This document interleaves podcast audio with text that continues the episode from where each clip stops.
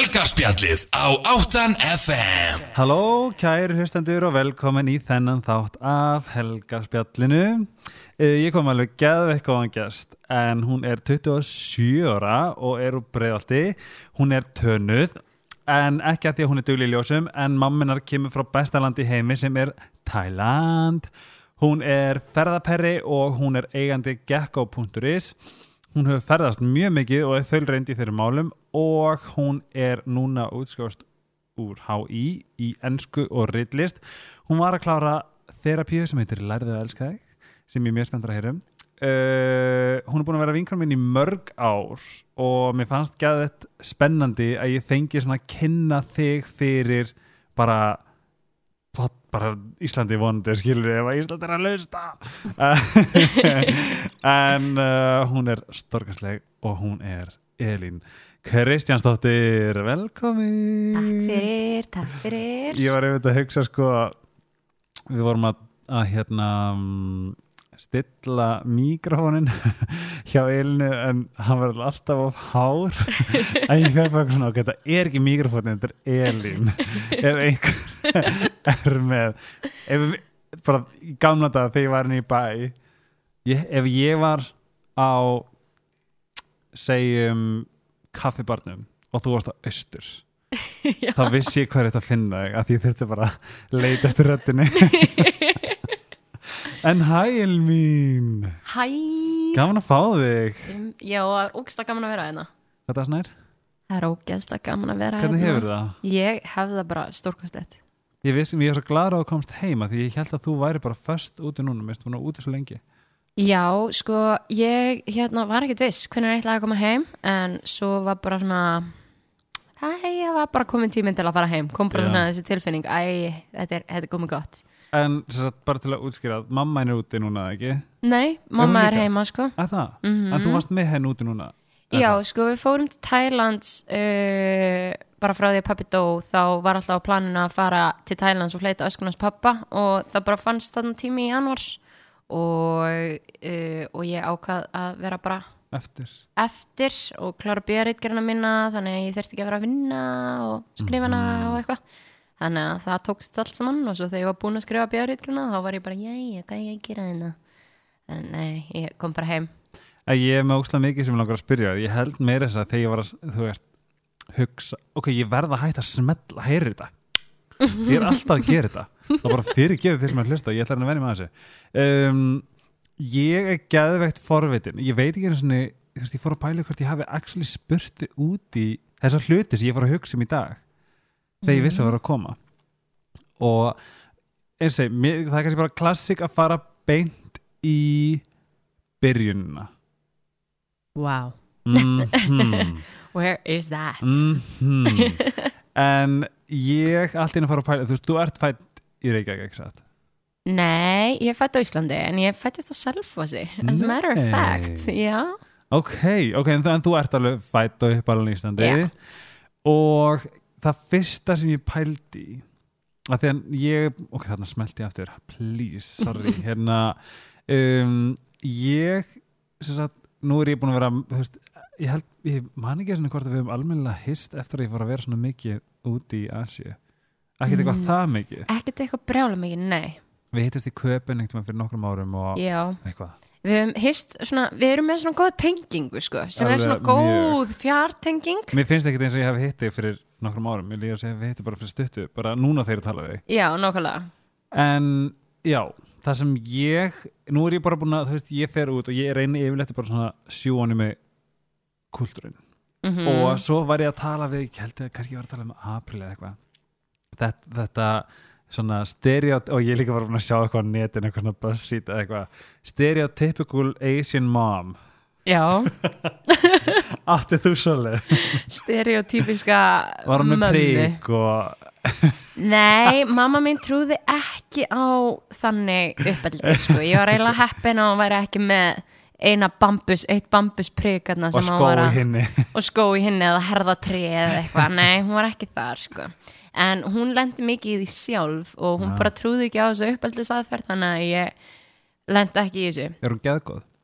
Já, hún er geðgóð sko. Hún virka mjög rólega mm, hún hefur aldrei lagt um hendur sko. Hann að hérna, ég vilst ekki uppi einhverja svona óta stjórnun en Já, sko, ég vona að við, við erum ekki að, veist, ég, plani verið ekki að fara út í það. Þetta var meira svona the fun part about it. Nei, ég veit Eða samt hvað þú meinar. Já. Ég veit alveg hvað þú meinar, þú veist, eins og með bíóriðgjörnum mína þá er ég að skrifa, þú veist önnur sagan er frá uppeldina mömmu, eða svona baksagan hennar mömmu. Þetta er svona, fyrir maður tilbaka, þú ert að skrifa B.A.R.I.G.erina um mömmuina uh, Ég er náttúrulega búin að skrifa bíóriðgjörnum mína núna en bíóriðgjörnum mín eru þess að tvær smásur og greinagerð um uh, í raun og veru bæði mömmu og pappa en hérna einsagan er um mömmu og einsagan er um pappa og þetta er svona creative non-fiction heitir þetta ennsku Mhm. Og er skrifið eins og bara skáldsaga skilur Ah. en er byggt á sönnum atbyrðum þess að þú varst einnig bara að taka mömmuinni viðtal Eh, eða þannig séð. Nei, meira svona, ég hlusta sögur frá henni, skilur, hún er kannski að segja frá Ah. ykkur og þú veist, og ég hlusta bara með aðtikli og svo í nokkur skipti, þú veist, þá tók ég hana upp og var bara, mm, þú veist en þið talið saman á tælensku eða ekki? Já, já, já, ég tala reybrennandi tælensku og vinn við að tólka tælensku og eitthvað, Ok, Anna, talandi það, það var ógislega fyndi ég held, ég örgulega síðast að vitist, þá varst að segja mér frá því að þú hefði verið fæðingadeild já, með- það er orðið svolítið síðan Já, það er langt síðan Já. sko. Ég sá bara fyrir mig þig hvernig segir maður til dæmis push á tælensku um, Beng, Bang, bang, bang. Beng, beng ekki beng, heldur Ó. beng Bang. Um, Mér fannst það ógeðslega fyndi og líka bara eitthvað svona Jæja, nú eru samdrættinar að koma. Ég meina, þú veist hvernig varst að þýða það? Oh my god, ég bara Manstu veist það. Nei, ég man eftir þessu. Ég var náttúrulega, þetta gerist um nótt og þetta, ég var svo ógislega illa sofin sko, að hérna, þá, þá ringti ég mig miðjanótt og ég var bara eitthvað uh, ég veit ekki alveg hvort ég komist í þetta. Og það var bara eitthvað, æ please, ég finn engan annan. Og ég bara, ok, ég skal fara. Og hérna og svo kem ég upp á fæðingadeild og gæin alveg sko nákvítur í framann hann bara meikaði þetta ekki skilur og, hérna, og þú veist þessi hugtök voru náttúrulega bara eitthvað, þú veist, ég er alveg ég er mjög góð í tælensku. Já, en ég, ég tala ekkit læknamál á tælensku sko. Mænudeyfing og samdrætti. uh, uh, mænudeyfing, leiði mér aðeins að kíkja inn á Google Translate, ég er alveg oft í þeim bakka sko. En ok, svo ég var bara að tala um þetta að því að þú sagðir þetta þá bara poppaði í hausnum mér. En tilbaka til mömmuðinar að því Já. þú sagðir og rítgerna og bambusprikið hérna, þú veist, það er til dæmis alveg í rítgerni minni, þú veist, það er ein, ein sena það sem að ég er bara eitthvað veist, ég, hún er skrifað á ennsku sko og þá er ein senan sem að ég er að lýsa bara hvernig amma mín var. Eða þú veist, hvernig hvernig hún var, hún var ekki svona við mig ég þekkti hann rosa vel. Já. en hún var svona, ég heyrði út undan mér og frá öllum að hún hefði verið rosa hörð sko, og ég bara eins og harðstjóri. Og þá er hún, þú veist ég hefði bara koma með reitgerina mína en allavega ég er ekki með hana. En hún segir, þú veist um, always holding a bamboo stick as long as Dim's arm extended. As, hvað sagði, as long as Dim's arm extended, þú veist, eins löng og höndin á henni Dim. Na þú veist, þegar hún er búin að breiða hana út skilur, Já, bara alltaf tilbúin til að skamma og slá börnin sín ef þau þorðu að svara á mótinni, skilur Það, Já, hind Þetta Eða þú var veist, þetta ekki svolítið- fyndið En þetta er klikka já, svolítið klikkað sko og lýsir alveg svolítið hvernig, veist, það var í alveg og mamma mín elst upp við þetta, Mhm. Hvað er elst hún upp? Tælandi, í Hvað Bangkok. Já, bara í Bangkok. Mm Og hvað gera fóreldunar? uh, voru, þú veist, bara svona merchant, merchants þú veist, voru, voru, voru bara vendor sales. Afi var hérna bara svona vöru kerði vörur, seldi vörur út um alla borga eða eitthvað svo leis Mhm. og var stundum, þú veist kom stundum ekki heim á kvöldin eða þú veist, þurfti stundum að vera frá eitthvað staðar og amma var bara með bás seldi ímislegt sko, flugelda á tímabili og eitthvað svona. Já, og mamma var bara húsmaður heima, Já, þú veist, hún bara, bara tíu ára eða átt ára eða eitthvað, var hún ekkert lengur í skóla. sko að því að ég kemst ekki hjá því að hugsa til þess. Sko nú er ég búin að fara til Bangkok fjóru sinni með fimm sinnum. Mm. og þetta er, þetta er svo klikkað að sjá kultúrmunin mm og að við séum að labba ég meina þú veist, allar götur er matabás mm mm. tala um allar götur, þetta er ekki laugavör og hverjuskata það er bara- nákvæmlega.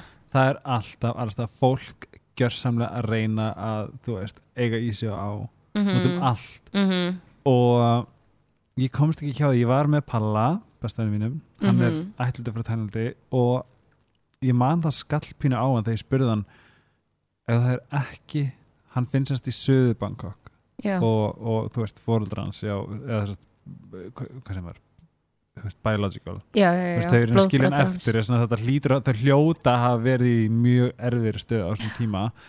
Það er svona ég hugsa ok, hvað gera þau? Og svo spurði hann hérna, hvað þú hefðir ekki verið eldur, hvað heldur að vera að gera? Mhm, þú veist, væri hann á tuk-tuk? Mhm. væri hann væri hann kennari? Þú veist, þetta, þú veist, maður veit ekki að þetta það Væri er svo mikið fólki. Já, þetta, það, þetta er svo magna, ég meina við erum hérna bara, oh, ég þarf að þú veist, við æskilja, þetta er bara Mhm. þetta, þú veist, ég meina, þú veist, það er ekki hægt að byrja þetta saman. Nei, en þetta er samt klikka og sérstaklega bara hvað þetta er nálættir algjörlega ég meina, hvað, algjörlega. hvað er mamma henni vinna við þegar hún þegar hún elskar um, Hún er náttúrulega sko tekin bara úr bara hún er bara tekin úr skóla tíu ára gömulega eitthvað og er bara að hugsa um sískinni sín. Hún er elst í sínum sískinahópi ah, þannig að þú veist, og stelpa þannig að hún er bara orðin einhver handmaid skilur við, bara og, og sér bara um heimilið og er bara elda og þú veist, er bara, og hugsa um litlu sískinni sín skilur þannig að hún er bara eitthvað svona uh, live at home nanny við, eða bara big sister eða mamma, þú veist, bara hvernig þið horfið á það. Og hérna og um, síðan þegar hún, hún flýra heimann sko.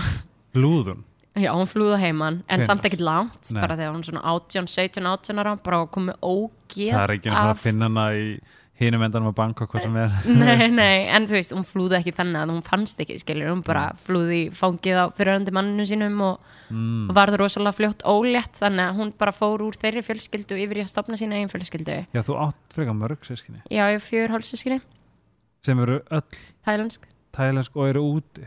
Nei, Nei, það er ein tvö hér. eru úti og tvö eru hér. Hérna sýstin sem að dóti á kæristu já, já, já Já, og svo hver er hinn sem býr hér? og svo bróðið minn? Já. Já, ég hitt bara sýstina Já, ég held að, já, þú hefur allavega komið í henni sýstu minna sem var afar skröðlega ég held að það verið með þess sko Pokémon eða eitthvað, nei hvað Já, það var allavega eitthvað svona bánsi að gæti hafa verið Pokémon sko, það var allavega ókysla fyndið. Þú Ok, alveg við- lost í kast Mér fannst þetta ó, og líka sérstaklega að þú varst bara að keira bílinn, við fengum lá, lána bílinn hennar. Og þú varst bara eitthvað, já ég helgi minn kontu eins og það væri veist, þetta var ekkert óæðilegt fyrir þig þannig Já, ég alveg bara, finnst þér þetta ekki flott interior design hérna í og hún var með bíl? líka sko, þú veist, hún var líka ég með mynda konginum allt ég. Já, já, þetta var svona mega tælisku bíl það var bara búið að setja á sætin, þú veist og, og höfubúðarnir stýrið. voru bara Pokémon eða eitthvað. stýrið stýrinu. og gýrstöngin já, gýrstöngin og svo svo fyndi í tænildi, það er bara mjög já, eðlilegt. já, algjörlega. Þetta er, þetta er sko er að halda bílum eins nýjum og hægt er eins lengi og hægt er skilur, Mm. þetta er að venda allt hérna, interior designi, þú veist, þú getur alveg séð til dæmis í bílum okkar út í Bangkok við hefum svona pick-up. Og ég held að bróðum minn sé ekki búin að taka plastið utan af einhverju það er allavega það er gæða margir sem að bara taka ekki plastið utan af til dæmis rammanum í kringum sjónvarpið og bara eitthvað svona, veist, það er ógeðslega fyndið meðan við fáum bara eitthvað út úr því að taka plastið af bara, ó, já, það er bara, nú get ég fara að nota þetta já, já, einmitt En hvernig hérna svona, Já, ok, ég, kannski, ég, ég fæl það svo mikið að spurningum í hausinn En þú veist, þú ert núna hérna, skal ég segja, búin að vera þarna Og þeir Mhm. búið, er, hjá hverjum bjóstu?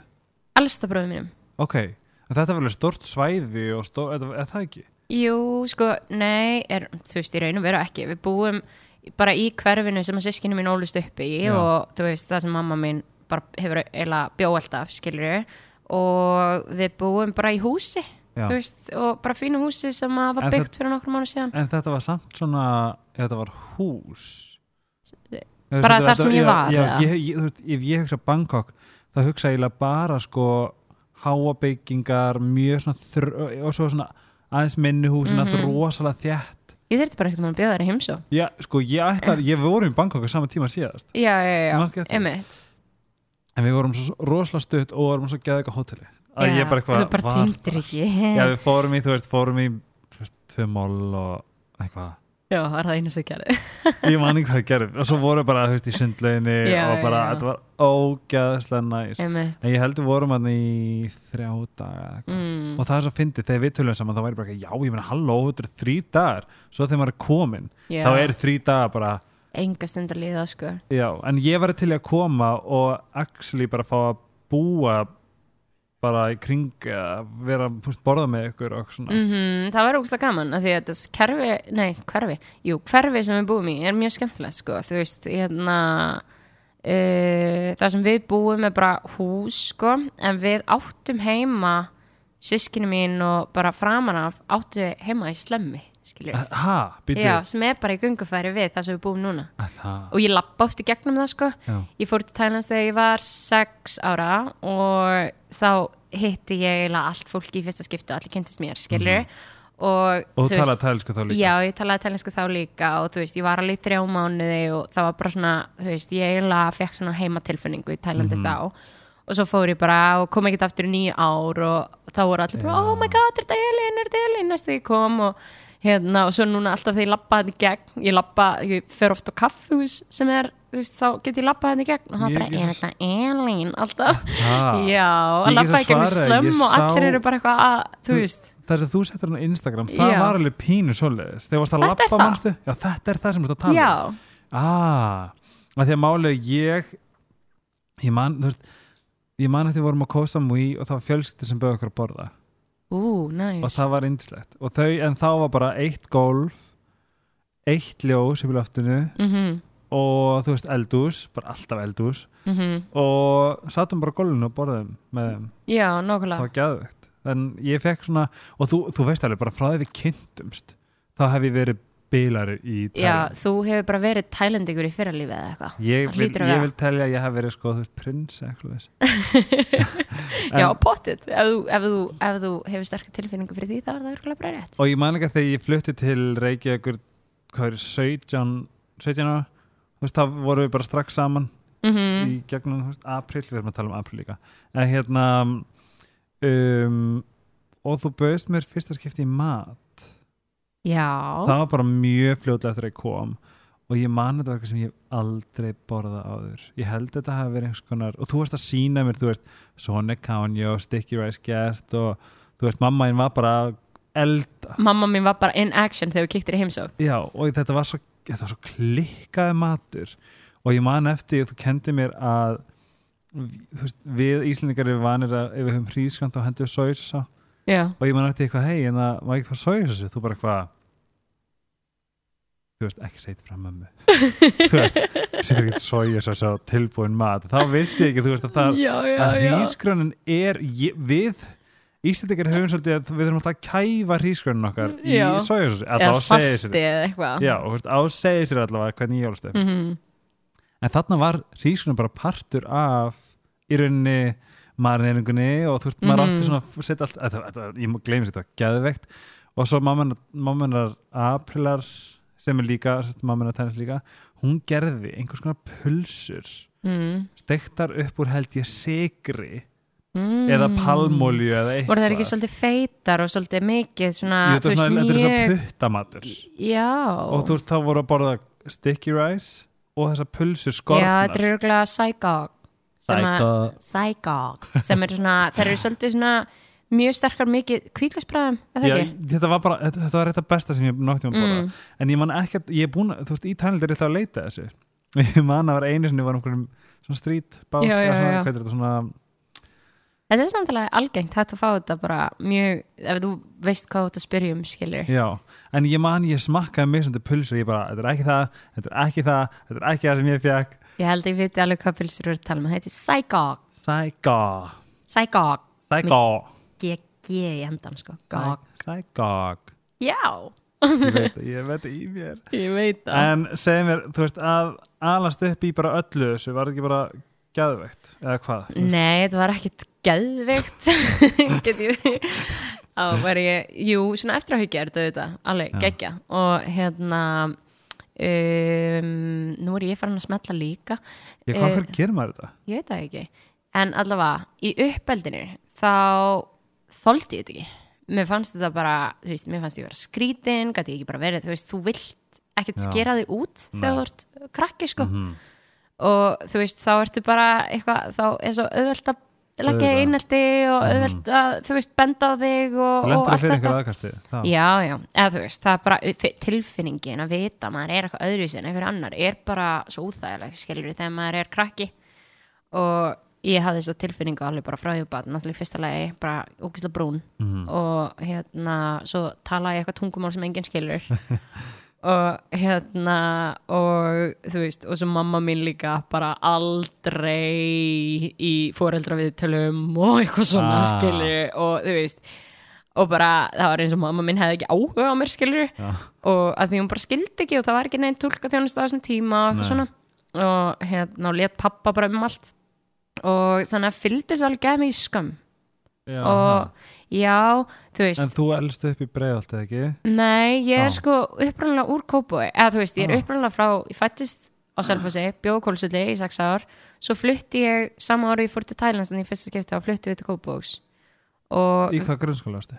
dýraniskóla ég var þar bara alla Ah. grunnskóla göngunum mína sko, Og ég held að væri hérna skólinn sem er nálægt það sem þannig að fellaskóla Já, já, já. Nei, nei, nei, ég var Nei. ekki þar sko Ah. en við fluttum þangað þegar ég var 14 ára og erum bara búin að búa þar síðan Ok.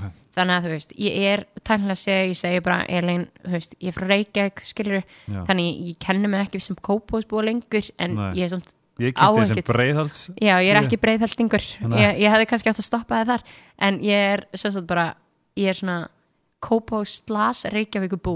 kenni mig ekki við eitthvað post, og tælíkur og tælendingur líka Núna finnst mér það, þú veist, mér hefur alltaf finnst það geðveikt Já, þú veist, Skilurðu? þetta hljóma bara, Ég þetta er það. svo magnað sko, en þú veist, auðvitað er þetta, þú veist, líka það sem ég bý að í dag, er bara svo geggjað, Mhm. Magnað, skilur, ég já. Mhm. hef tungumálið, ég hef þetta menningalæsi, skilur, og ég skil svo margt. Í það, líka með þetta hlýtur að opna bara svona starra dimension þegar þú ert með tvo heila kúltúra þú veist, bara um, hvað sem, bara svona í örmónum þú veist, það eru Mhm. margir sem annarkvort, þú veist, ég, fann það, þú veist, ég verið Danmarku, jú, ég, þú veist, ég, ég, þú veist hvað heitir þetta? Svona vítabreyt minn, hún stækkaði helling Já, nákvæmlega. uh, og, en það er líka því ég leifði því að gerast ég talaði tungumáli, ég, þú veist, ég kynnti mér allt og Mhm. bara, þú veist, ég var, ég svolítið leifði bara í Danmörku Mm og þetta er sama, en það er annað þegar maður fer til einhvers lands og er ennþá bara, og er ekki tilbúin að þú veist, ma ma maður er ennþá maður sjálfur Mhm. veist hvað við, Mhm. í staðin fyrir bara svona sleppa þess takinu og bara, ok, hvað get ég lært hérna, Mhm. hvað get ég fengið, hvað get ég hvað, þú veist, -hmm. það er það sem ég finnst svo geggja, en þú ert búin að þrýfast í þessu bara frá day one Já, þess að þú hlýtir að vera maður stærri já, sko, það er náttúrulega líka bara, þegar maður flytur ykkur, þá ertu að velja það, skilur Já. Svo eru náttúrulega líka, þú veist, þeir sem að koma hingað og læra kannski ekki tungumáli að tala rosalega illa þú veist, það er líka bara val en Mhm. þú hefur ekkert val þegar þú barn Nei, nákvæmlega þú hefur, þú þarft eiginlega þú þú þarft eiginlega að hérna, þú fært bara það sem að þér er gefið, Einmitt. og krakkar og meina, það er miklu öllur að koma Já, en það er samt alveg erfitt að ala upp börn í tveimu menningaheimum veist, stundum eru börn bara vilja ekki tala hitt tungumáli Mhm. og þá kannski getur verið að hitt fóreldri bara sem er að reyna að kenna, veist, annar móðmáli Mhm. gefist bara upp og segir bara og svo þegar krakkin er orðin þú veist, úlingur eða eitthvað og talar ekki, þú veist, annar móðmáli þá er hann bara eitthvað, okkur kendur mér ekki að tala? Bara, þú vildir ekki tala, þetta er sem ekki kjafta að bara, þú veist, ég er bara svona að fóreldrar segja við barnið, já, þú vildir ekki tala er bara eitthvað, halló það var ekki ábyrgð batsins að ákveða það þegar það var fjögur ára, sko. Amen.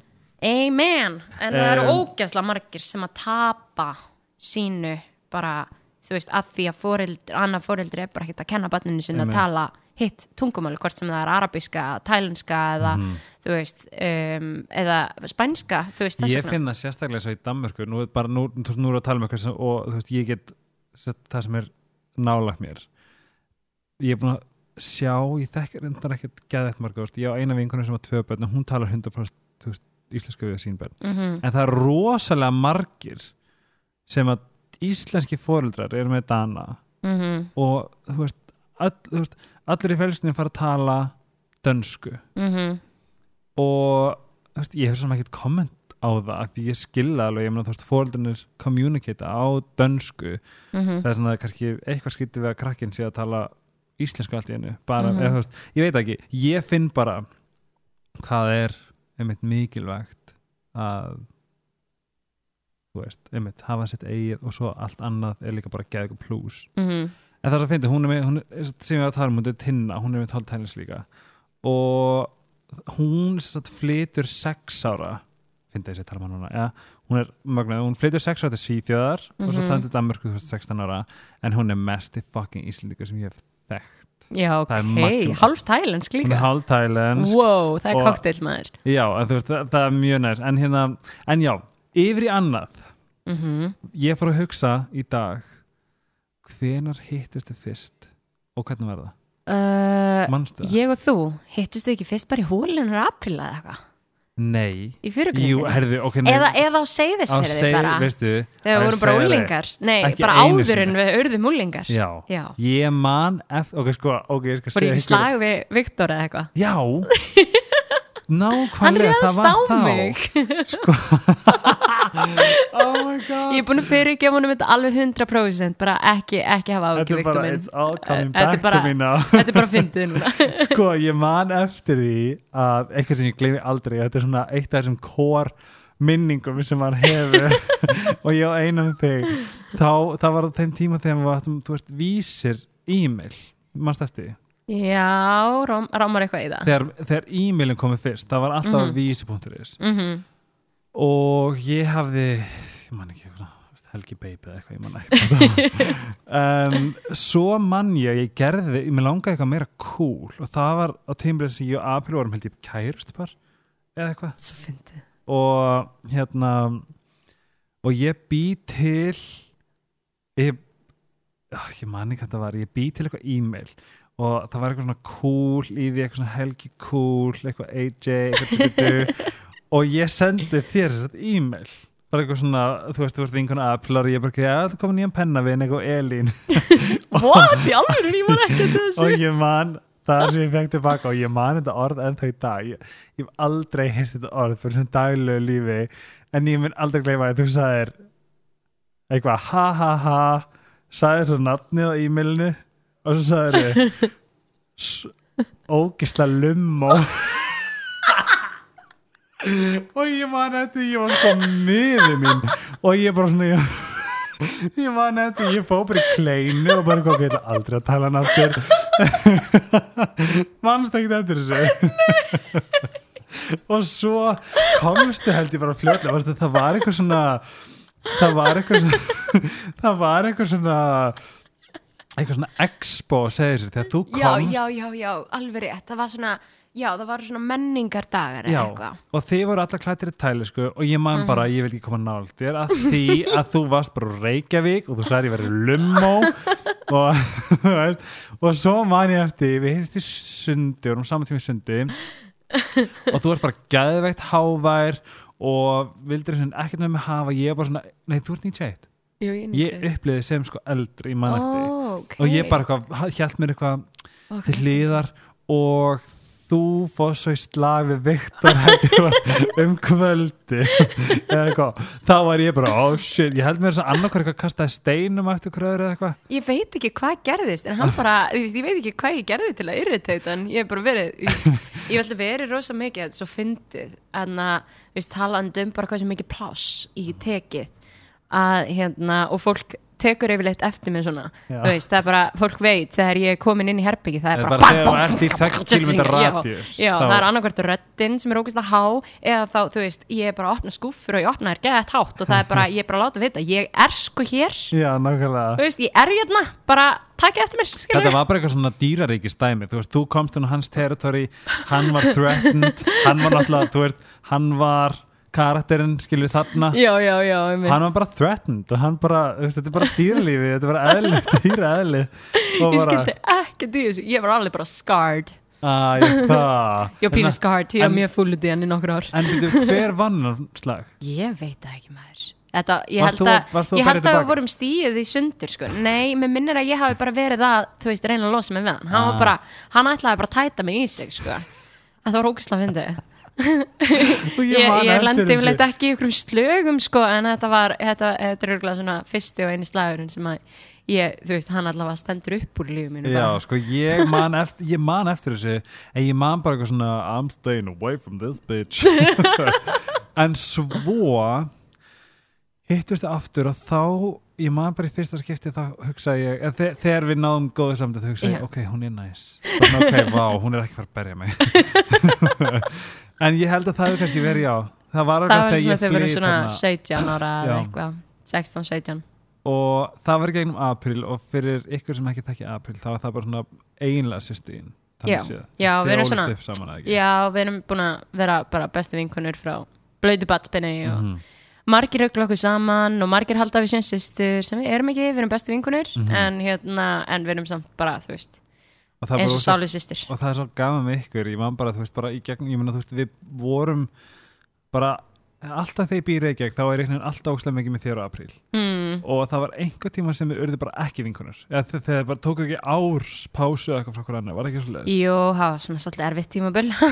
Já, en það var líka bara þegar allt var við vorum bara frekar hell Já, það var bara, allir voru að drepast í sínu eigin ego held ég bara. Og bara að drekka óslega mikið og djam óslega mikið allir eitthvað að vinna í sínum sárum og, og reyðir og, og eitthvað Mhm. þannig að Ég man líka eitt sem við við eigum alveg ógeðslega hella sögu, ég veit ekki hvort sé óviðjandi að segja hana. Ertu að tala um hérna Ó, Já, ég er að tala um Mósfellsbæjartrip Ertu að djóka Ég man ekkert hvað við vorum að gera nema hvað við vorum bara á skallanum, Já, förum við að hlölla. Þetta er ég að hitta strák sem heitir Vilhjálmur og hann bjó í Moselsbæ og við náttúrulega bara eins ógeðslega kærlaus og helluð og við bara vorum þarna. Þá förum við að hlölla, ég man eftir að tóka mynda okkur og þetta er besti hlölli ever. Þetta og var svo ógæslega skemmtilegt. Það var komið sumar sko. Það kom sem það var sól bara, ég Já. man bara það var sól Já. um sex. Og allt í einu eru bara eitthvað hei, við ætlum að fara eitt mál, við getum að fara til villa og sofið þar, ég ætla að hafi aldrei farið heim til hans aður, ég, þú veist, ég held með þess að ég veit, man ekki sem hvort að fóreldra hans eða sýstir hans var heima eitthvað, þetta bara við, bara, við vorum bara svo bara trundur allt, en það sem við gerum í staðan fyrir að borga taxa en það er langt í mósbjörn, er að við húkum far? Já, hjá manni sem ör hérna á hálsinum á hálsunum að því að hann hafi, ég man ekki hvort hann hafi verið í fangelsi fyrir Já, hann var stungu eða hvort hann hafi Já. ekki drepið mann Já, hann var, held ég allavega hafði verið í fangelsi fyrir, þú veist eh, Líkamsárás fyrir eða- líkamsárás eða þannig þú veist að hafa næstu í drepi manni Já, gáleis já, eða já, eitthvað. Og hann var bara að segja frá þessu í bylnum. frásögnin var klikkuð. Já, og ég man eftir við vorum svona blöndu að hrætt og bara svona hei, þetta er hölla já, við horfðum bara hvort annað í aftursættinu bara, ok. Og hann bara skuttlar okkur til, í Mosó. Já, og svo bankum við á dyrni, ég man ekki eins og hvort ég hafi látið grei mannin vita að við vorum að koma.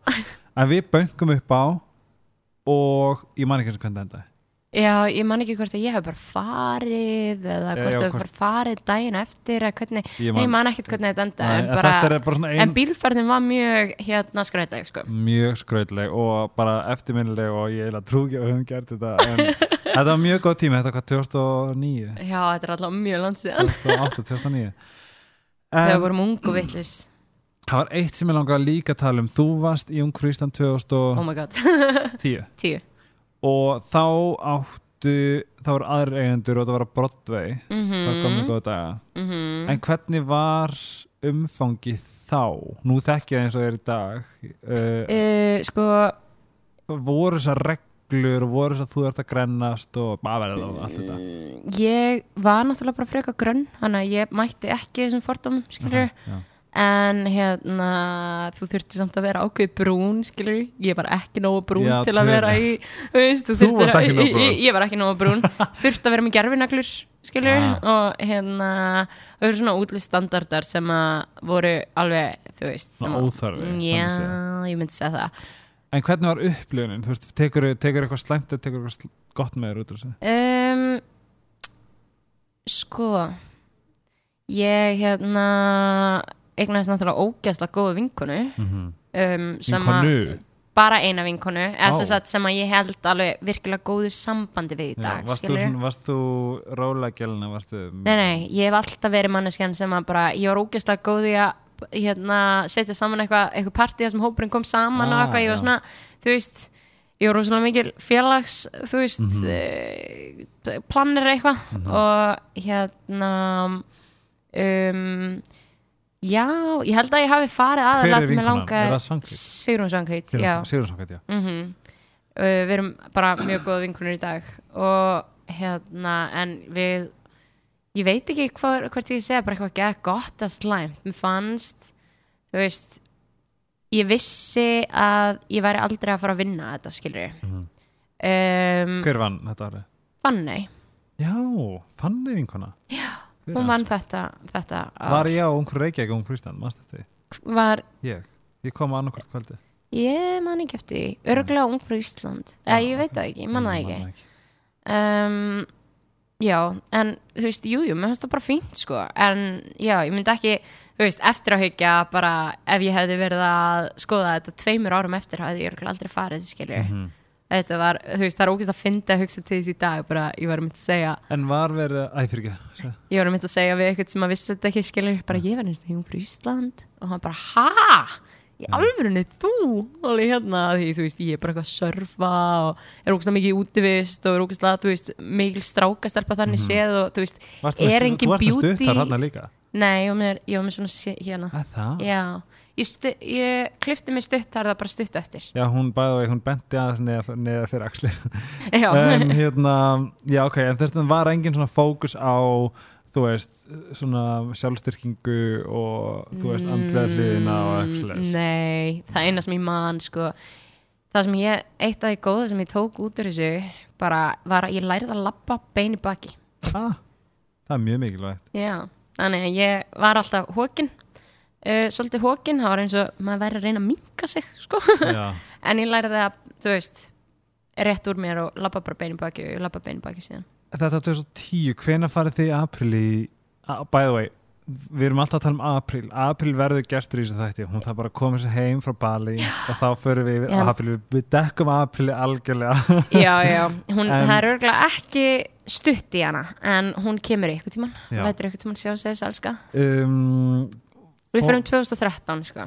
Nú er þetta 2013 mm byrjaði allt 2013 Já, Hvað fyndi, hvað er það að gera milli 2010 og 2012? vinna ekki á símanum. Ah, það og var bara, þú veist, ég útskrifaðast á mentaskóla eitthvað 2011 og svo vann ég bara hjá símanum í tvö ár og svo fekk ég ógeð og, og, og bara eitthvað, hei, ég og April eitthvað að brainstorma bara, eigum við að skrá okkur í nám og fara til Thailands eða til Asi og þannig byrjaði þetta, þannig við vorum báðar í fjarnámi? Já. Hvað fjarnámi? April var í mannfræð og ég er í byrjaði ennsku hann þá? Já. Vá, því Þannig að sko ég allt man saman. eftir að ég, ég hef alltaf sagt að April hafi byrjað í náminu þegar hún flutti til Bali. Er það vittlust? Hún gerði það, það er 2013 sko April flutti En hvenær til farið Bali í heimsreisuna? Við fyrir 2012 í heimsreisinu Já, það er það sem ég var að hugsa. Já. þá, þá, vorum við bara að ferðast já, ok, 2012 farið þið bara í svona kannski hérna klassísku þannig Suðaustur Asíureisi Já, Já hvað var það? Það, hvað? Já, þú veist, hvað, hver var hérna rútið? Við fórum, flugum til Thailands Svo fórum við til Laos Og svo fórum við til hérna Vietnam Síðan Kambodí Og síðan endum við aftur í Thailandi Og hérna April flýtti sér aðeins heim Áttum kærast það? Og með Margréti á þessum tíma. Ah, já, Og kærastu. hérna uh, Ætlaði að klára flugnámið mm. og þú ert þannig að búa með þannig hún, hún, hún er ekki búin með það. Já, hún var í Já, flugnámi hún var í flugnámi Jú, það er rétt. Já, Vá, hvað maður gleymi svona hluti já, og ég fór þá hjælt aðeins áfram og fór í annað tripp þú veist, í því tripp og fór til aðeins aftur bara í tjúping og eitthvað. Tók annan ring og var úkslega gaman. Ég hef ennþá þetta þá, þú veist, ég man bara þegar maður heyri daginn í sýsti fór í reysu og svo fór að reysu og það var all, allir að tala um Laos og Tubing. Ég hef ekki ennþá gert það, ég mun örgulega að gera það en Það er svolítið það Eh? Ég held að þú sért ekki að vera svona- svolítið gamall fyrir það Já, líka. líka svona eins og full moon. Já, ég fann það, ég var, ég fór 2000, og hvernig var það, 2016 já 2016. já. og ég var alveg á limitinu. Já, ég var ekki, þú veist einhver svona teknotýpa og með, þú veist hérna, þarft að vera svolítið ungur og vittleg sko til að fíla eða þessi típa sem að tekur kókain Já og ég er það ekki.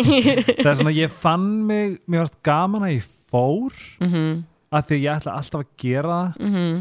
en ég fann það líka þetta bara svona that's cute. Næst, næst Já, já, já, ég er náttúrulega sko þrísvar búin að fara á full moon. Það? Einu sinni í bara þú veist, algjört disaster sem fyrsta skiptið. Og það var bara ég og April bara döttum beint í fötu og ég vakna á ströndinni og April endaði eitthvað staðar inn á þú veist, hérna jókasetturinn sem við vorum að jókatríti áður og hún saf sko í kompunni nei, ég vakna á ströndinni, við búin að missa fluginu nei og svo fórum við, þú veist, jú þetta var bara svona, og ég bara tók hérna grátkast, ég veist ekki hvað er april þú veist, hvað er ég ætti að finna april og bara búið að stela myndælni, ég hefði skilið síman eftir bakbókunum sem betur fer. En hérna, ég var með 100 batta sel bara inn á brjóstarhaldaran, þannig ég gæti komist aftur, þú veist, á staðin og þá fann ég april þar bara, ég bara, april april, ég svo hana að sjá þig. En ógæslega Eitthvað. fyndi að segja þetta þegar við lentum í svipu. Vissu, eitthvað, eitthvað gerðist hjá mér að palla? nei, Ó, ok, sko, ok, við höfum alveg tíma til þess að tala um þetta, já. Við sérst förum, við leigjum uh, hótel, við, byrj, okay, við byrjuðum á að leigja eitthvað hótel, ég bara ég aðeins til dýll.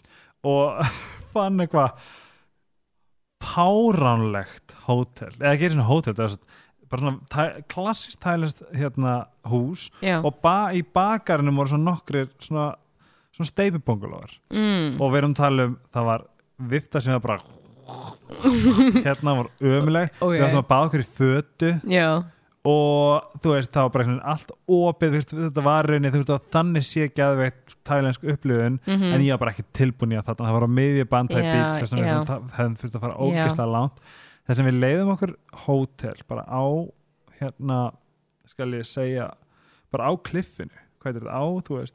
Bara við full moon party já bara, bara svo- HDI já, við löpum bara á endanum.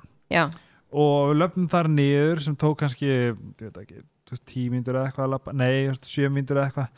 Um, og alveg svona fjalla við sko. mhm. Og hérna, ekkert mál, við hérna förum, en við förum í sko pre-full moon partíið fyrst Já, og ég náttúrulega drakka ekki og Palli bara, ég ætla bara að fá mér eitt bjór og ok, lalala. og ég var svona ennþá eitthvað kom mér í gýrin, var ekki alveg mér fannst, að ég þetta var bara já, já. eins og ég var að segja, veist, ég, ef ég hefði verið drukkin þá hefði þetta kannski verið öðuldra, en ég var edru og ég Já. er eitthvað svona, ok, svo allt í einu var þetta fínt og ég endaði að spjalla með einhverjum ókslega leðilegu fólki og svona, og svo allt í einu uh, svo fyrir við að dansa á borðum. Þá fundum við einhvern eitt staðar fullt af stöðum á öllu, allri Mhm. hérna, Allir strand, ströndinni. strandlengjuna, þetta er reisastór strand Já, þú veist, og þetta var bara svona teknodrasl en svo allt einu fundum við bara eitthvað gott, skilur Já, og við endum upp á borðið að dansa bara ég og Palli, bara og svo eitthvað annað fólk og þetta er bara já. gaman. Mhm. og svo bara Palli er horfin ég veit ekki hvernig þetta gerðist já, ég skil ekkert lengur og hann var bara í flöskubjór og ég sagði hann að vera bara í flöskubjór bara Já, Singapjór já, er besti já, já, já. bjór í heimi drektu hann og ekkert annað. Uh og hann enn þetta í dag segist ekki að hafa kemur sér fötu. En það getur vel verið að hafi drukkið fengið sopa. Já mhm, en hann var horfin og ég hugsaði hver fjandinn? Leita á hann með svona 40 myndur og þá hugsaði ég, ok, hann hefur bara farið á hótel líka. Já, þess að ég fyrir upp á hótel. Hann er ekki þar. Hann er ekki þar, ég býð. Og þarna vorum við mjög virkan Snapchat aðgang og alveg bara Já, já. nokkuð þúsund hérna followers. Og ég hvort ég verið eitthvað, já, Palli er að fara bla, bla, bla. en svo bara allt í hennu fríka ég út, bara hvað ef eitthvað hefði komið fyrir? Já, þá get ég ekki verið eitthvað, hei eitthvað svona, eða láta eitthvað hafa áhugjur, já, Palli er ekki komin heim. Já. það er svona ég er leggst neyri rúm og þetta er bara svona frekar hellað bangaló en mm. mjög, veist, þetta er alveg fínt um, og ég er að vakna á svona 30 minna fresti er, er ég að tala, tala um þetta hérna, þetta, þetta er góð saga sko mhm, og ég er bara on off 30 minnir, 30 minnir, 30 minnir bara mm. vagnir 30 minnir, segir 30 minnir Mhm. þanga til ég sopna kannski klukkan svona hálf 6 og vakna við bankadyrnar klukkan hálf 10 wow. og þá er ég viss um að Palli hafi farið heim með stelpu Já, nema hvað að maðurinn er hann var alltaf bara í ból hann var með törskunni sinni eða það var með svona, hérna, svona magabelti nema að hann var með það undir bólnum og bara Já. svona, þetta var svona, þetta var svona andlislita þú veist, það sem hann var bara með síma sinn peninga, vesk, eða Mhm. eitthvað svona og passportið sitt maðurinn, já, nei Palli Palli já, hvað var hann ekki með vegabröðu sitt? hann bara, hann bara, þú veist, við ætlum bara að fá bjóð sko. þannig sé, við ætlum bara Ok. að fara að tjekka svona, og svo bara já. hann var berofan ekki skóm í stöpuksum og allur í blóði. Og Oh bara my hann var God. tómur í fram að Palli sem er tannaður piece of shit, hann var kvítur sko. Oh og hann, fyrst sem hann gerir sem er, sem er ekkert rosalítið Palla, hann bara svona knúsa mig, bara heldur utan mig. Hann gjör sann að bara, hann var eiginlega sko hann var líka brunnin þó hann hafi verið hvítur. Að því hann var alltaf bara búin að vafra um í sólinni að því hann vaknar á miðji bantæbít, ekki hinni wow. ekki fúlmúnströndinni já, í einhverju skógi. Oh my god. Og Jesus er að Christ. lappa á milli og þarf að lappa yfir eitthvað þak og dettur þar og bara þetta var bara hefi og svo hann leitast upp á sjúkrahús að því hann vissi ekki hvað hann var. Oh hann vissi bara að hann var mjög klár sko, hann vissi eitthvað svona ákveð. Við höfum bara kert einu sinni um, um nóttina. Og já, það er svona vegabrið farið, síminu farin powerbank Oh farin, peninga farin hann var bara. alls laus. Oh það er svona, sem, við fórum daginn eftir og fórum í partíi sko, bara mjög vanlega og svo tók við náttúrulega bara, svo þurftum að fara til Bangkok aftur, við þurfum að fá vegabrif Mm. með tímalega, við þurfum að þú veist að redda peningum, hvernig þetta var að redda peningum og bara, þú veist bara, Mhm. við þurftum að redda öllu. Mm það er svona, þetta gerist ógstlega mikið á full moon þetta gerist ógstlega mikið í svona partíum skilur og þú veist ég, þetta er ekki fyrsta sem ég ég, held að heyri. vodka er, er verið að setja ég held að það sé bara verið að setja eitthvað í drikkin Já, og ræna fólk shit, bara maður. basically sko. Svo er náttúrulega fullt af fólki sem druknar á full moon bara í sjónum. Í alvörinni já, þú veist, það er bara fullt af döðsföllum hana Shit. þannig að fólk er ekki að passa sig skilur, fólk er kannski að sopna á ströndinu og svo kemur háflóð eða eitthvað. Já, og það já, bara, já. þú veist og hérna fullt af fólki sem verður bara allt of ölvað og þá er það bara, þú veist very easy target, skilur Klikka, maður þarf að fara valega maður þarf nefnilega að fara ókslega vala ég nefnilega, næstu tvö skipti sem ég fór þá var ég í vinnuferð, þannig að ég var bara etru og horfði bara á hérna Já, ég bara horfði á eða, þú veist, eða ég valdi bara að vera edru en líka eitt skipti sem ég fór bara með vinnum mínum ég, bara, ég ætla bara að vera edru bara svolítið scarred eftir fyrsta skipti. En þú veist, það er bara þú ert ekkert örugur á full, full moon sko, eða þú veist eða okkur svona strandapartí í Asi þau eru bara, þú ert bara easy target. Það klikkar, sérstaklega þegar þú ert hvítur, þú ert kannski með úr, þú ert með mm. þú veist, það er bara allt að gerast. Tala ekki um þegar þú ert með, þú veist, pung og veski og þetta, þetta, þú veist, það er bara algjörlega, en, ok, þú ert sérst ferðu úr 2012, ferð svo 2013 og þá er það ekki svona ykkar þú veist, þið báðar fáið bara eitthvað svona, ok. Þú veist, Apil flytið til Bali, satt? Mhm. og þú flytið til Thailand Bangkok. já, og þú ert í námi, fjarnámi. Mhm. Hvað varst að gera í Bangkok? Sko, ég var bara í fjarnámi. Ég var bara í, þú veist, ég bjó. Ég leiði mig bara eitthvað svona næs íbúð kondó íbúð og, þú bauðst mér að koma. Já, komstu? Nei. Nei, hérna já, en þú veist, það var rosa kósi en svo, þú veist, ég held að ég væri alveg svona meira borgabatt, sko, en svo komst ég að því ég er bara ekkert borgabatt og eftir nýjum mánu í Bangkok ákvað ég að koma heim og þá tók ég sumar og segðis fyrir því Nú? Já, ég, ég vann í skaftfelli bara á hvernig og bara eitthvað, mér sumar? vantaði bara vinnu með sko þryggja daga fyrir bara uh, Það var bara gaman sko Ég var bara með geggja mikið frjókvæðan á mig allt sumarið, Shit. en það var ógustlega gaman Ég held ég, ekki eftir muni því. eitt Ég man ekki Ég held þú hafur ekki verið Nei. Þú veist, þú komst kannski að lunga Ég kom ekki að lunga en það var held ég áttur ekki eitthvað ævindur upp í fossin, var það það ár? Nei, nei, nei, Nei, það það, það, það var fyrir lengu Já, ok, ok, ég Já. man ekki. En já, hérna um, Skal ég segja, nei, en þú veist, ok Þú og Apil hafi alltaf verið pínu takt. Já, En þú vegna er ekki að fólk okkur saman. ertu, þú veist, hvenar byrjar þín della, hvenar finnur að þú ert bara, þú veist, hvenar þú ferðan að vinna með hérna útskahópurinn Já, ég, þú veist, er búin að gæta tvísvar hjá, Var það gegnum- það var í gegnum gamla og rental sem heitir Farvel í dag. Ok, og hérna það var bara ógustlega skemmtileg reynsla og allt það. Um, mín svona, þú veist, ég og April erum svipar en samt í grunninn svo ólíkar. Er þú stengið þetta?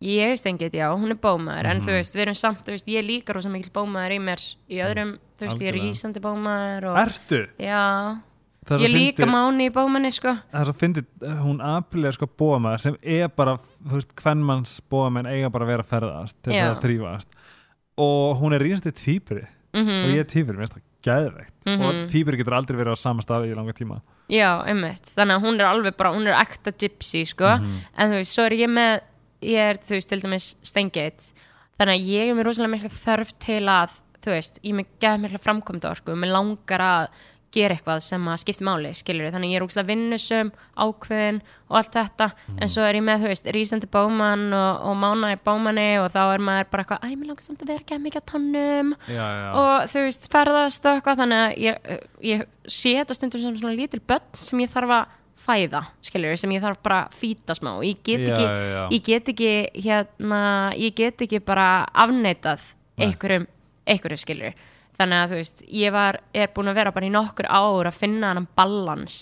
Þú veist, ég oft ætla að vera bara nei, nú ætla ég bara sko að vera á tonnum. Eða nú ætla ég sko bara að hérna að vinna og safna mig fyrir íbúð og Já, bara já, já. vera á einu stað nú ætla ég bara að drullast til að vera í þessu fyrirtæki í lengri tíma en einhverja nýju mánu ég er alveg eins, ég eitthvað. bara ég, ég í hvers skipti sem að ég er of lengi á samastæði, sérstaklega bara veist, ég var all, þurfti alltaf að koma þú veist, nummer eitt, ég þarf alltaf að vera með flugum með ég þarf alltaf að vita hvernig ég er að fara aftur heim til Íslands til dæmis, ég þarf Mhm. alltaf þú veist, ég er búin í Danmark, ég reyna að flakka smikið að geta, en það kom einhvern tími sem ég var í hálft ár og ég var bara búin að missa bara lífsgleðina.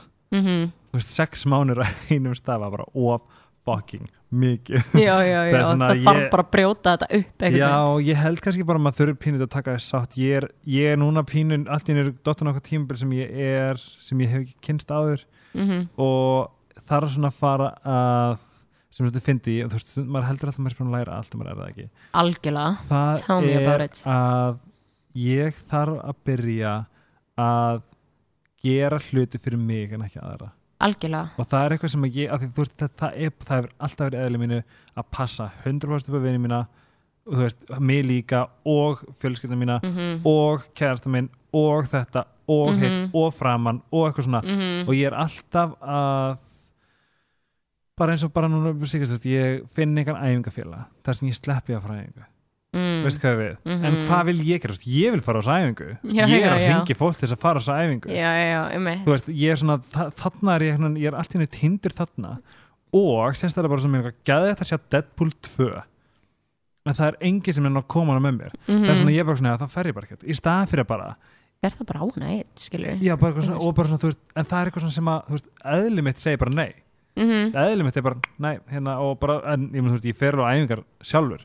En þetta er bara tímabil sem ég bara svona, ég eitthvað svona, já, ok, það getur maður lífuna þá bara, veist, kaupi henni þegar hún kemur út eða, þú veist, eitthvað svona. Já, já, já, ég er að kemp, kempa svolítið með þetta núna. Mm en það sem ég langar að spyrja þig var ég er búin að tala um áður í podcastinu að mín sjálfsina byrja 2012 og þetta er bara veist, þetta er bara svona ákveðin ferð sem þú ferði í sem stoppar aldrei. -hmm. en hvena byrja þetta þér af hverju og hvernig.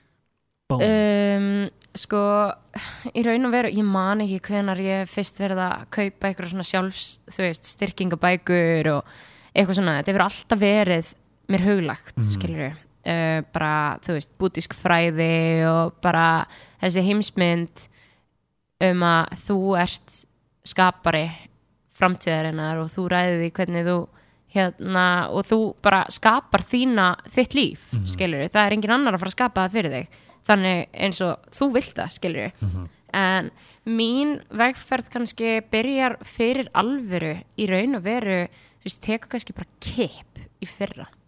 Mhm. og hérna þá er ég búin að vera að máta mig á svo mörgum stöðum skilur, ég er búin að máta mig fór til, fór í Ástrali, fór til Ástrali skiptinám og veist, ég var einhvern veginn alltaf með fast, fast í haustu mínum að ég ætti ekkert heima á Íslandi. Ég, ég vildi bara vera að ferðast eða vera eitthvað annar staðar. En svo þegar ég var komin eitthvað annað þá var ég alltaf bara, vá, mér langar bara ég er ógst að heimakær líka. Ég og ég, þú veist, komst að því að ég væri bara gæðið heimakæður og ég væri með mjög Íslands hjarta í mér og mér þætti bara mjög erfitt að vera langt frá fjölskyldinu minni og eitthvað. Og hérna, og svo þegar pappi dó þá tek ég bara dífu niður á við. Bara, þú veist, ég týndi sjálfur mér. Hvenær gerist það? uh, 2016 í september í lók september Var ekki krabba minn? Jú, Og var þetta hérna var þetta svo óvænt? eða? nei, nei, nei, þetta var ekki snakklegt sko, hann en þú veist, hann var búin að vera með hann var alveg með, bara greindur með blöðruhálskirtils krabba minn alveg í þrjú, fjör eða fjör, fimm ár áður en hann dó sko, Mhm. þannig að þú veist, var bara búin að vera í veikindum og eitthvað, en pappi stutti mig samt alveg í náminu og hérna sagði bara ég þyrfti bara að gera það sem ég þyrfti að gera og hann, ég ætti ekki að hafa ágjur á hann og eitthvað, en ég ætlaði að vera í Ástralíu í eitt ár en ég var bara í hálft ár að því að pappi vektist síðan bara meira og þá kom ég heim og ég kom heim frá Ástralíu bara í janúar 2016 Ok. og þá hafði pappi verið lagður inn og þá hafði hann fengið meinverp bara í mænuna Meinverpar, er bara meinverp, það er bara þú það? Já, veist, bara, það er bara, bakteríur já, eða þú veist, bara krabba minn er búið að dreifast Nei, og mein, þú veist, farið að ít á mænuna og gerist hann, eitthvað fyrir fætnar eða Já, hann, hérna, Lamaðist. hann lamaðist svona hluta til og gat, þurfti að gang- ganga með göngugrind eftir það en síðan var bara útskrifaður af spítalanum eftir tíu daga og hérna, skánaði heilmikið þú veist, fyrstu mánuðina og leið betur hann fór líka í gisla með fyrir þá Mhm. Og hérna og svo í júni veist, og ég var líka bara svolítið, þú veist, ég var einhvern veginn ekki að ná því að pappi minn væri bara að deyja, skilur og um, og ég var í smá afnöytin með það, sko Og þetta var frá, þetta, þetta tímbil milli janúar og júni? Já, sem að, þú veist, við, pappi er bara svona, þú veist, búin að fara í þessa kímó, eða þú veist, búin að fara í þessa geislameðferð og svo júni þá er hann bara að byrja að vestna aftur. Hvað varst þú að gera á meðan? Ég var í háskólanum alltaf að skrifa bíðarreitgrana mína og hérna var í skólanum og tók síðust áfangana þar fyrir utan bíðarreitgrana og var að reyna að skrifa bíðarreitgrana mína. Svo fór ég að vinna og þú veist þannig að ég var bara að vinna og reyna að skrifa reitgerð og reyna, þú veist, og með ágjöra pappa mínum án þess að játa fyrir sjálfur mér að ég var með byllandi ágjör yfir honum skilur og hérna og ég var náttúrulega líka bara mikið að keira pappa minn upp á spítala og bara, þú veist, þannig dæmi skilur bara sinn honum. Og þú veist, ég er náttúrulega með fyrir utan pappa þá var ég svo eina sem var með bílprófi fjölskyldinu minni sko. Það er rétt Þannig að þú veist, mamma mín er ekki með bílpróf og ekki bróðum minn heldur og þú veist, reynda sýsti mér hjálpaði mér ókslega mikið. En Hún er hérna, aldrei sem bílpróf. Hún er sko aldrei með bílpróf. Þið heyrðu allt um bílinn á hann. En, uh, en já, þannig að þú veist síðan í júni þá byrjar hann að vestna aftur og bara í ágúst þá er hann byrjar að missa svolítið mikið kraft í fótunum og bara fann að detta gólfi þannig að hann geti ekki staðið upp aftur og eitthvað svona og ég bara pappi þú verður bara að fara upp á spítala og þú veist ég eiginlega neitt hann til að þú veist ringja og á sjúkrabíli að því ég vildi ekki vera vondu hann skilur en þú veist ég vildi bara að hann tæki ákvörðun um það og hann bara ég á ekkert tíma fyrir uh, á miðvikudaginn, ég bara pappi þetta getur ekki beðið skilur og ég veginn hjælt þá að pappi þú veist ég veginn hafði þá hugmynd hann myndi kannski fara á spítalan í nokkar dag og skemmt bara heim. En hann kom ekki heim Hvað gerist það fljót, fljótlega eftir það? Já, sko, hann, hérna, þetta er í ágúst eitthvað tímann, uh, aðeins fyrir menninganótt og hérna, og læknandi vissi ekkert hvað þeir ætti að gera og þeir sáu, heldur fyrst kannski að meinvarpi væri að taka sig upp aftur og, og eitthvað en það var ekki, sko. Og þau er bara svona, hann var í rannsóknum sem tók ógeðslega á hann og svo bara þú veist, bara komist að því bara, þú ert bara að deyja. Að þú veist. Já, og veist maður er bara langa nánast að segja bara, bara gefist upp á skilur, en það var ekki það. Pappi var bara búinn að gefa gefast upp á lífinu, skilur, hann var bara hann nefntu sig ekki lengur. Og hérna En hvað tekur við þarna, skilur, hvað Það var- hann fór- veist, upp í hausnum aður bara, veist, hvað, Bara- hvað gerum, hvað segir maður? Hvað, um, þú veist, þegar maður heyri það að maður, þú veist, að pappi mann sé að deyja og í raun og veru að maður bara býða eftir í hann degi það er ekki þægilegt sko. Þú veist, þannig að hérna hann fór upp á líknadeild einhvern sem hann í lok ágúst 2016 eða eitthvað leis svo var hann upp á líknadeild í mánu og hann dó, þú veist, 27. september. Þess að þetta er langt tímabil samt. Já, það er bara svolítið, við vorum bara að býða þú veist, Já. hann var hann var samt alveg, hann var ekkert að reyna já, hann bara veist, hann var sér að sagði hann sjötur, já, já, ok, það er samt ekki mikið. Það er ekki mikið sko og hérna en þú veist, hann var bara, hann nefndi sig lengur sko. Hann að þú veist, ég var samt ekkert reið og við töluðum rosa mikið um dauðan og þú veist, pappi var ógstlega mikill, hann var þú veist, hann var alveg ég held að hann hafi örgla verið tælendingur eða indverið eða eitthvað í fyrralífi og hann var með skemmtilegar skoðanir á lífinu og hann trúði því að það væri líf eftir döðan, skilur og hann trúði því að hann væri á leiðin eitthvað annað og hann væri að fara í sumalandið og hann átti eitthvað svona experience það sem hann fór út úr líkamanni þegar hann var yngri sko. Og fór, þú veist, á stað það sem voru tvær sólir og hann bara með hlakka til að fara á hann aftur, þú veist, hann sagði það við mig.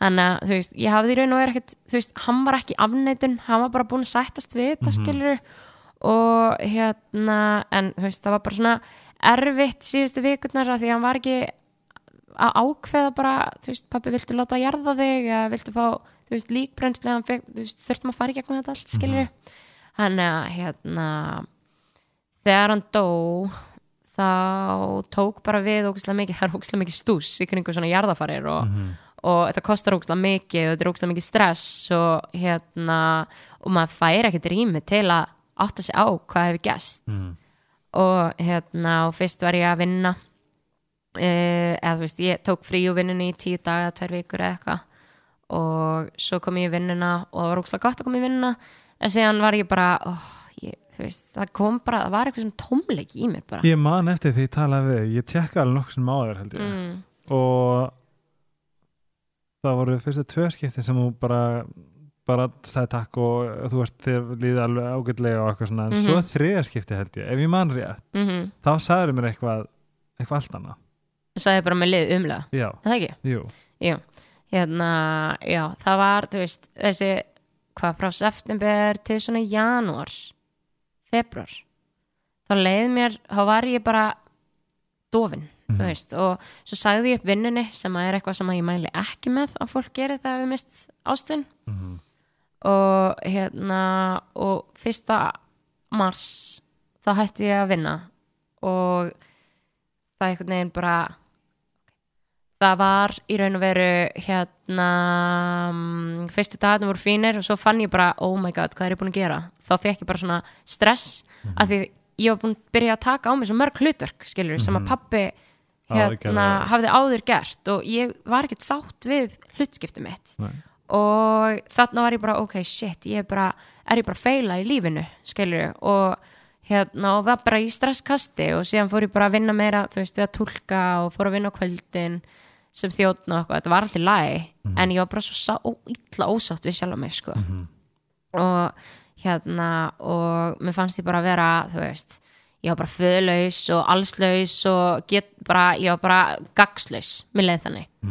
Og hérna og síðan síðan var ég, þú veist, ég var náttúrulega bara fest í einhverjum hugsunarhætti bara ef ég er ekki að vinna, skilur þá er ég ekki þá er ég ekki virkur samfélagsþegna eitthvað, já. skilur ég var bara, veist, ég var bara í sjokki við sjálfur mér og ég var bara í sjokki við að vera líða svona illa Mhm. og ég var náttúrulega bara hálf þunglind sko. Og svo hérna ákvað ég að fara í þerapíuna ég var búin að vera í þerapíuna ári, þú veist, sama ári ég var að ganga í gegnum þetta allt saman sem sjálfbúðalegi Já. en svo ákvað ég að kenna, þú veist, fara í leiðbennendanámið í þerapíunni já það er lærið að elska sjálf já, lærðu að elska þig og hérna, ég var bara á svo slæmum stað með sjálfum mig, ég var bara, veist það, ég þarf bara veist, ég þarf bara eitthvað geggja prógram sem að kemur mér, þú veist, sem að hjálpa mér að koma mér í gegnum þetta. Og þú veist, og mér langa á sama tíma að gefa af mér, að því ég vissi þú veist, ég bara, ég funkra þannig, ég er extrovert og ég, ég læri í gegnum fólk, skilur, ég læri í gegnum mannleg samskipti. Já, ég líka þannig. Og hérna þannig að þú veist, ég fór í þerapíunámið og byrjaði á því og svo fekk ég hérna inn hjá VR og Já. þá svona skánaði svolítið, það er svona, það síðast sumar? já það er síðast semar og hérna bara, bara í stuttumáli þá var ég svona alveg að ná mér upp úr þessu skilur og fekk svona sjálfstyrristu með þetta aftur og var svona, þú veist, bara tók, var að taka þerapíuna með og, og líka kenna sjálfbúðalum og svo var ég svona, æ, já, ég verð kannski hjá VR í árau fyrir samning og eitthvað, svo var alltaf svona in the back of my head, ég nenni ekki að vera hérna með það sem vinna henda mér í gert. Og hérna, og svo auðvitað fekk ég áframhaldið samning. Fyrst ekki? nei, Ok. og þá tók ég annað bara oh shit veist, þá var ég bara, ætlar bara lífið að þú veist, er ég bara, á ég bara endalist að vera í einhverjum brjálegum eldugangina, skilur, ég nennis ekki. Þú veist, já, ég nenni ekki að fara að leita mér aftur af vinnum skilur, ég nenni ekki þú veist, ég, ég var bara game over. Ég var ekki, þú veist, ég tók það pínu svona meðvitað, skilur ég var bara, ég fór eitthvað aðeins inn á Alfreð í tímundur og ég var bara, veist það? Ekki séns ég er bara farin út úr landi. Og þetta, þetta var ég bara núna í haust þetta var bara í haust, Ok. já og þá ákvæði ég fyrir jókanám og já, fór í jókanám í Indlandi og Fórstu innlens í jókana? já, Var það saman tíma apríl? Nei, það var, april var í april og, og ég fór í desember Ok, og hvernig var? Það var bara ógeðslega gaman af því að þú veist, þetta var á bucket listanum mínum skilur og Hvað það var bara? Þetta er bara mánir Ok, og þú veist, núna get ég alveg gert jóka bara heima hjá mér og er, þú veist, veit alveg hvað ég er að gera og svona og, og þú veist, getur kent það líka ekki? Já, ég má alveg kenna það líka en þú veist, það er svo óksla margt sem ég er að gera að ég, hérna, ætla ekki að bæta jóka kennslu og það líka. Mhm. en, hérna já, sem sagt og ég ákvað að fara bara ekki aftur að vinna strax. Basically og þú veist, þarna sá ég bara tækifæri þarna ákvað ég bara, veist það, ég ætla ekki að taka þessari höfnun sem er eitthvað, þú veist, bara engi vill mig skilur, eins og mér hafi leiðið þarna í vor. Um, og ég ætla ekki að láta hugsanir mínar og bara, þú veist, hausin á mér bara rakka mig niður. Ég hef líka alltaf ég, hef, ég er því máli að hafnanir og nei. Það er bara að vera sláði það er bara aðeins vera þú veist, sláði yfir að brautan sem átt að vera já, nákvæmlega. við erum alltaf flói. Þetta er bara eins nákvæmlega. og ping-pong. Nei, hvað er þetta? Svona, æ, svona vél þar sem kúla fyrir upp og við erum haldin á lofti. Já, já, Það er bara að slá okkur aðeins í þú veist, áttina sem við eigum að vera í. Já, nákvæmlega. Ég komst ekki inn í eitthvað ljósmyndaskóla og ég var mjög góður því tímbili og, og mappa mig á góð. Og þarna hefði ég annarkvært getað sagt What the fuck? Mhm. eða bara eitthvað hmm, aðtölusvert Mhm, og ég sem betur fyrir mig tókst að taka aðtölusverða vinkilinn já, og mér finnst það frábært, ég meina ég átti að fara á hinubreytina og vera, já. skil ég átti ekkert að fara þetta nám. Þú átti bara nóg eftir og þetta nám var bara ekki þú veist, það hefði ekki gefið It's bara það not þú my destiny Já, nákvæmlega. Og þú veist, og það er líka bara þetta er bara, þetta er bara gullni þráðurinn í lífinu. Þú hefur alltaf val. Mhm, nákvæmlega. Þú hefur alltaf val. preach, sko, ég gæsa þegar sagði þetta því að þú veist, maður þarf sem bara að heyra þetta, það er alveg rétt. Já, þú veist, þú hefur alltaf val saman hvort að, þú veist, jú, það er fakt þetta er höfnun, Mhm. skilur en hvernig ætlar að taka henni? Þú velur þá tilfinningu algjörlega kannski í grunninn velur, þú veist, að vekur upp einhverjar tilfinningar, Já. en þetta eru allt gamlar tilfinningar algjörlega, þú veist, þetta eru allt tilfinningar þú, þú ferð að hugsa um bara öll hinn skiptin sem að þér var hafnað. Eða, þú veist, allt sem þú ert búin að ganga í gegnum og það vekur upp óta því þú ert búin að ganga í gegnum þetta áður skilur eða eitthvað. Eða þú veist, þetta er of mikið eða eitthvað, en þú velur alltaf ok, þú veist, hvað ætlum ég að læra af þessu? Eða, þú veist það, þú velur alltaf og getur alltaf valið ok, ég ætla að taka þessu bara sem höfnun og ég sé ógst mikið fórnalamb eða þá, hmm, áhugavert. Um, hvað, hvernig, hvað tækifæri er að opnast þarna hinum einn í staðin hvað, þú veist, þú, þessi er bara harra logo, en ég menn hei, það eru nokkar aðrar. Já, þar? there is a way, there will always be a way. Og Mhm. þú veist, það er bara eins og ég ákvað þarna bara, ok þú veist, allt í lagi, ég er greinilega ekki að fara að vinna meira þarna skilur, svo eitthvað fór ég eitthvað að kíkja á Alfreð og sá bara eitthvað skrifstofustörf og eitthvað bara, sko, bara skjóttum í hausinn hvað þetta er boring. Og hérna, og ég eitthvað, veist það ég bara þarf þetta ekki. Og, veist, kefti mig bara flug með á dreifum brót til Indlands. Til Indlands og svo til aftur. Já, þú ert búin að, þú ert búin að þú ferð Indland, Thailand, þú ert ekki búin að koma heim mitt nei, nei og nú ertu nýkomin heim aftur Já, þannig að þetta var sex mánuða ferðalag Mhm. og bara, og mm, þú veist, ég fór í jóganám, ég fór og kláraði BR, eða þú veist, skrifaði BR-ritgerina mína, fór til Kambodí og heimsóttina apríl. nákvæmlega, þið var saman í Kambodíu Mhm. eitthvað meira, bara Kambodíu og svo skildist það Um, nei, hún hérna, ég fór til Kambodí einu sinni, svo ætlaði ég bara að fara aftur tilbaka því ég fekk hérna svona gætagigg og síðan ákvaði ég bara að koma aftur. Þá var Marja Telma búin að ákvaða að fara til Kambodíu. nú, já, hún, Hún, kom fór, líka. hún kom líka, þá fór ég aftur sko. það er rétt. Já, þá fór ég aftur. Ég fór tveist til Kambodíu bara með vikumillibili.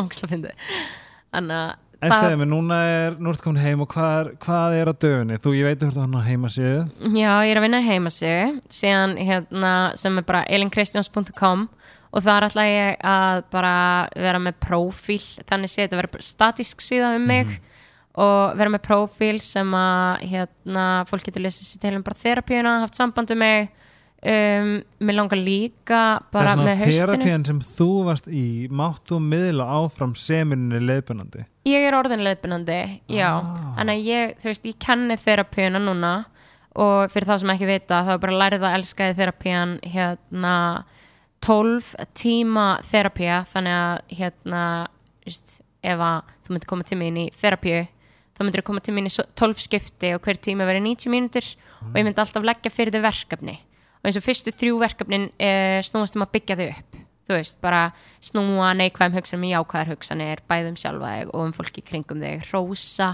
og þú veist, bara jákvæð uppbygging. Það eru fyrstu þrýr tímarnir og hver tími er tekin á svona þryggja til fjögra vekna fresti. Síðan næstu tímar eftir, næstu þrýr tímar eftir þá ert að læra kennarana sem er bara allir, allir í lífiðinni til að kenna þér. Ah. Hvað kostar svona? Herðu, á fullu verði þá er hann á 144.000 allir tímarnir þú veist saman á það er fair price. Já, bara mjög fer sko 12 tímar saman. En ef þú vilt bara taka stakan tíma þá er það 15 áskall skipti. Wow. um, síðan í kringum þetta þú veist, mér langar líka að vera með bara fyrirlestra í framtíðinni.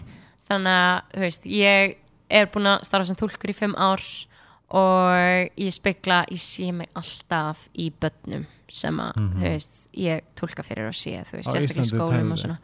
Uh, hér á Íslandi. Þetta er ekki bara svona Oprah of Thailand? Opera of Thailand, nei. Ég veit það ekki. En ég spekla mér rosalega mikið, þú veist, ég sé sjálfa mig ógslag mikið í ungum krökkum í dag. Bara, þú veist, ég átti ógslag erfitt með nám á tímabilið þegar ég var, þú veist, þegar ég var að læra að lesa og tweeting og svona og hefur alveg gengið í gegnum bara margt. Og þannig að mér langar alveg hérna bjóða upp á fyrirlestra bara hvernig, þú veist bara, þú veist, það er svo margt sem ég langar að gera og Það er bara næstu gigi þá. það er næsta gig og lærið að elska þerapían svo er ég náttúrulega hérna það var ógeðslega skemmtilegt konsept sem ég kynntist í Bangkok sem heitir Aristotle's Café Arts? Aristotle's. Aristotles, hvað er það? Aristotle var hérna heimsbyggingur Ah, grískur heimsbyggingur veist ekki hver Aristotles er Það er, þú Aristoteles. veist, bara the philosophy of everything history Nei. já um, allavega þetta heitir Aristotle's Café og hérna þá hittir þá, þú veist, þá situr, situr mann svona 15-16 manns í ring bara, ekkert borða á Fórstu í milli svoleiðis í Bangkok? já, ég lærði að vera svona lóðsari facilitator Nice. þar og hérna og facilita- facilitator gerir eiginlega rauninni, þú veist, leiðir umræðana áfram. Og það eru 15 manns í bara litlu rými bara sem er þægilegt til að tengjast og allir skrifa fá að skrifa ykkur spurningu sem að þeir vilja ræða fyrir kvöldið, svo er bara valin svo spurning sem að hérna hópurinn vill ræða með líðræðisleiri kostningu bara rétt upp hendur sko. Og svo, Var þetta allt á tælisku líka? nei nei, við gerum þetta ennsku sko. Ok, það var bara all, allir menningar hópar og eitthvað. Og hérna, mig langaði að hérna, mig langaði að að ég er að fara að setja þetta upp á Íslandi. Geðveikt. Mhm, með þetta bara húsnæði. Akkurat núna, kannski verið komið með það þegar þessi þáttu fyrir lofti Við auglýsum bara, nei það er kannski komið. Það vonandi komið þegar hann fyrir loftið. Já, já, ég er, í, ég, ég er að ræða við nokkuð kaffehús sko. Ok, eða þú veist, svona, svona plás en ég þarf alltaf að fá bara frítt húsnæði að því að ég ætla ekki að rukka fólk fyrir að koma og tala um lífið sko. Uh, og skiptast á, þú veist, bara heimsýn og, og svo leis og hérna og mér langar að búa til bara virt samfélag í þessu, þú veist, þannig að fólk geti bara miðlað Mætt. upplýsingum og lært eitthvað nýtt, Þú geta mætt bara. Geta mætt, já. Ok. þannig ég, þú veist, planið er að vera með þetta einu sinni í viku, þú veist, og, og umræða að fara bara fram í En þú klukkutíma. verður allavega með svona donation Nei, Nei, nei, Nei. helst ekki. Ok. Ef, að- þetta er kaffihús þá bara svona hei, þið getur styrt kaffihús og kæft ykkur kaffi skilju, Ok. þetta er eitthvað sem ég, þú veist, þetta er bara vinna sem ég langar að gefa. Ok, og það er það sem að Aristotle's Café koncept gengur út og þetta er stærra koncept þetta er bara, ég er bara að taka bransið til Ísland ok, vá hvað ég er að fara að þanga í Bangkok. Ég er örugglega að fara til Bangkok bara til mín hér á Íslandi. Það. Nenni ekki Hvenær? bara að facilitata líka. Ég þarf líka að fá facilitators þjálfara bara ég er sko, ég er að fara í haust sko til Bangkok? Já maður. Vá, þú ert alltaf í Bangkok maður. Ég, Nei, ég- alltaf í ég Tælandi mun aldrei hætta. En Elín elsku gullið mitt við erum á tíma sem því það að við þurfum að kveðja. Oh, Getur þetta ekki verið tveggja klukkutíma ég tími? veit að við getum Það er svo verið margt hérna- sem við eigum eftir á að tala Ég Ég eftir að tala í gekko.is ah, ok, kottum við gekk á 1, 2 og boom Herru, þið verða að kíkja á gekko.is sem ég stopnaði fyrir þrem árum síðan sem er svona umhverfis vætn og mannúðar miðaður ferðamiðl boom Búm Það er bara, ef þið viljið vera umhverfisvæðinni ferðalangar þá kíkja á gekko.is og líka ef þið viljið bloggum ferðalag þá ég hef, það er alltaf ég, þetta sko gekk.is er partur af rúndunum mínum. Aha, Já, varst að djóka? Bara, þú veist, það, það, núna ég meina, þetta, er búið, þetta er bara orðið bara svona gjörsanlega nýtt dæmi, ég meina þegar aprilblokkar þá, þú veist, ég yða mm. af því ég vil vita hvað hann er að fara að skrifa um núna. Og sem leiða að koma eitthvað inn á gekk og þá, þú veist, ég klikka alltaf að lesa það mm, Það já. veist, Þetta það er nefnilega svo litrikar, svo margir bloggarar núna. Og það eru svo marga litrikar greinar og svo ógeðslega oft bara geðvögt áhugavert efni.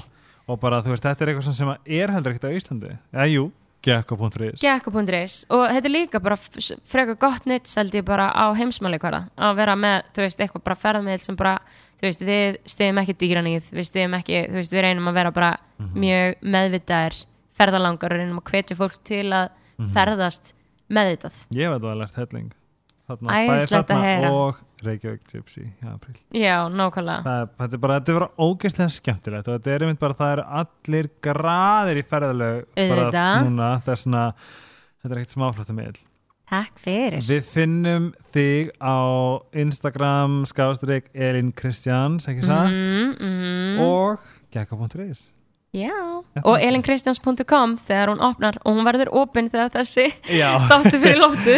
elinkristjáns.com Elin, takk fyrir að koma, ég er ógæðislega feinast komin heim. Ég er líka og ógeðslega ég spennt að fylgist koma heim. geðveikt vel með þér á Instagram og ég, þú veist, fucking adore you. I adore you too. um, Þetta var þátturinn í dag. Ég ætla að vona að þið hefðu lært eitthvað af þessum elsku sæti að tælinska gúruina sem er hjá mér. Um, Ég ætla að gera það og ég vona að þið hafi gert það líka. Uh, Þið finnum mig á Instagram Helgi Ómarsson Snapchat Helgi Ómars og trennet.is Helgi Ómars. Takk aðeinslega fyrir mig í dag og sjáumst næst. Uh, Sá, nei uh, ลาก่อนค่ะ hvernig sem að bæ ลาก่อนครับ þú segir ลาก่อนครับ og ég segi เช่นกันค่ะ Ok, sem tilbúin. þýðir Einn, sömulegis tveir og Lagon Cup เช่นกันค่ะ เดี๋ยววันหลังเจอกันใหม่ Bye bye Þú ert að hlusta á helgaspjallið á 8 FM